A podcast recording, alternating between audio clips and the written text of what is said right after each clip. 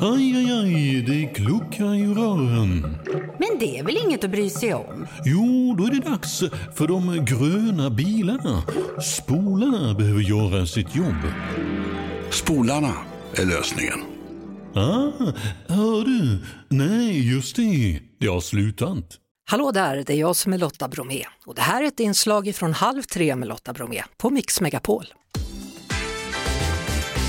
Peter Jöback, kul att se dig, det var ett tag sedan du. Ja, det var jättelänge sedan. Ja. Kul att se dig. Och en riktigt god jul lite sådär i förskott får man ändå säga. Ja, det kan man säga. Ja. Men det är jul snart. Det är ju det faktiskt och då lär vi ju spela dina låtar här kan man tänka. Och i år är det faktiskt jubileum för din platta.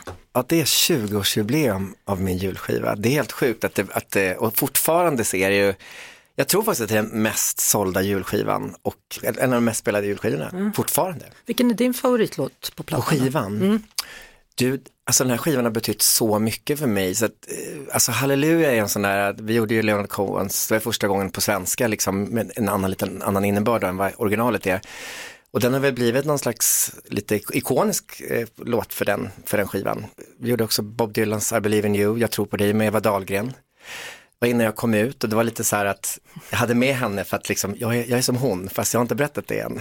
Ja, men, så- och sen är det ju liksom, Ja men det var kul att göra den. Jag var väldigt, stor, jag var väldigt motståndare för att göra en julskiva. Jag tyckte det var liksom alldeles så här, det sista man gör i karriären, gör man en julskiva. Mm.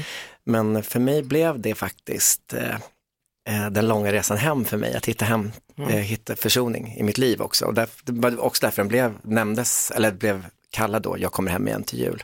Eh, Anders Ekborg var här häromdagen och Mm, kul. just en julfest hade fått honom att ändra riktning i livet för han hade varit och sk- stod och sjöng julsånger då Just det. på den här eh, festen och helt plötsligt så kommer det in någon som är utklädd till tomte och drar en släde där det är en massa vodkaflaskor och skriker då blir det sprit Okay. och och då kände han att jag kanske inte ska jobba här, jag kanske kan göra kyrkokonserter eller vara i konserthus och sjunga. För alla bara, Åh, nu kommer tomten med Mm, Ja, spritsläden. jag du vet. fattar. Ja, men det har, ja, hans liv har nog förändrats mycket. Jag, det var länge sedan jag pratade med honom faktiskt. Mm. Vi var ju väldigt nära där under Kristina från Duvemåla-perioden.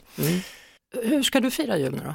Ja, men I år så f- har vi barnen faktiskt över jul så att jag ska faktiskt åka utomlands med dem. Vi ska å- åka till Alperna, åka skidor. Jaha, och vem ska vara tomte?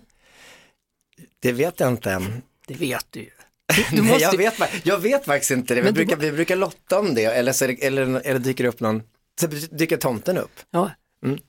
Ein, eh, vad heter det, Deutsche Tomte. Ja, på tyska, På vad händer tyska nu? kommer det, Liksom, Gute Weihnachten. Ungarna kommer inte fatta någonting. Nej, men du måste ju ta med liksom skägg och, och allting, eller? Mm. Kanske det. Jaha, Det kanske är någon som lyssnar också. det kan det vara. Men du, vad, vad ska du göra med alla paket? Ska ni packa dem i väskan eller?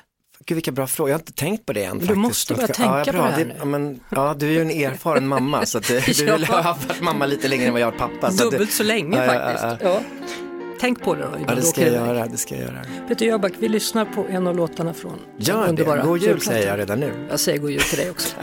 Det var det. Vi hörs såklart igen på Mix Megapol varje eftermiddag vid halv tre. Ett poddtips från Podplay. I fallen jag aldrig glömmer djupdyker Hasse Aro i arbetet bakom några av Sveriges mest uppseendeväckande brottsutredningar. Går vi in med hemlig telefonavlyssning och, och då upplever vi att vi får en total förändring av hans beteende. Vad är det som händer nu? Vem är det som läcker? Och så säger han att jag är kriminell, jag har varit kriminell i hela mitt liv men att mörda ett barn, där går min gräns. Nya säsongen av Fallen jag aldrig glömmer på Podplay.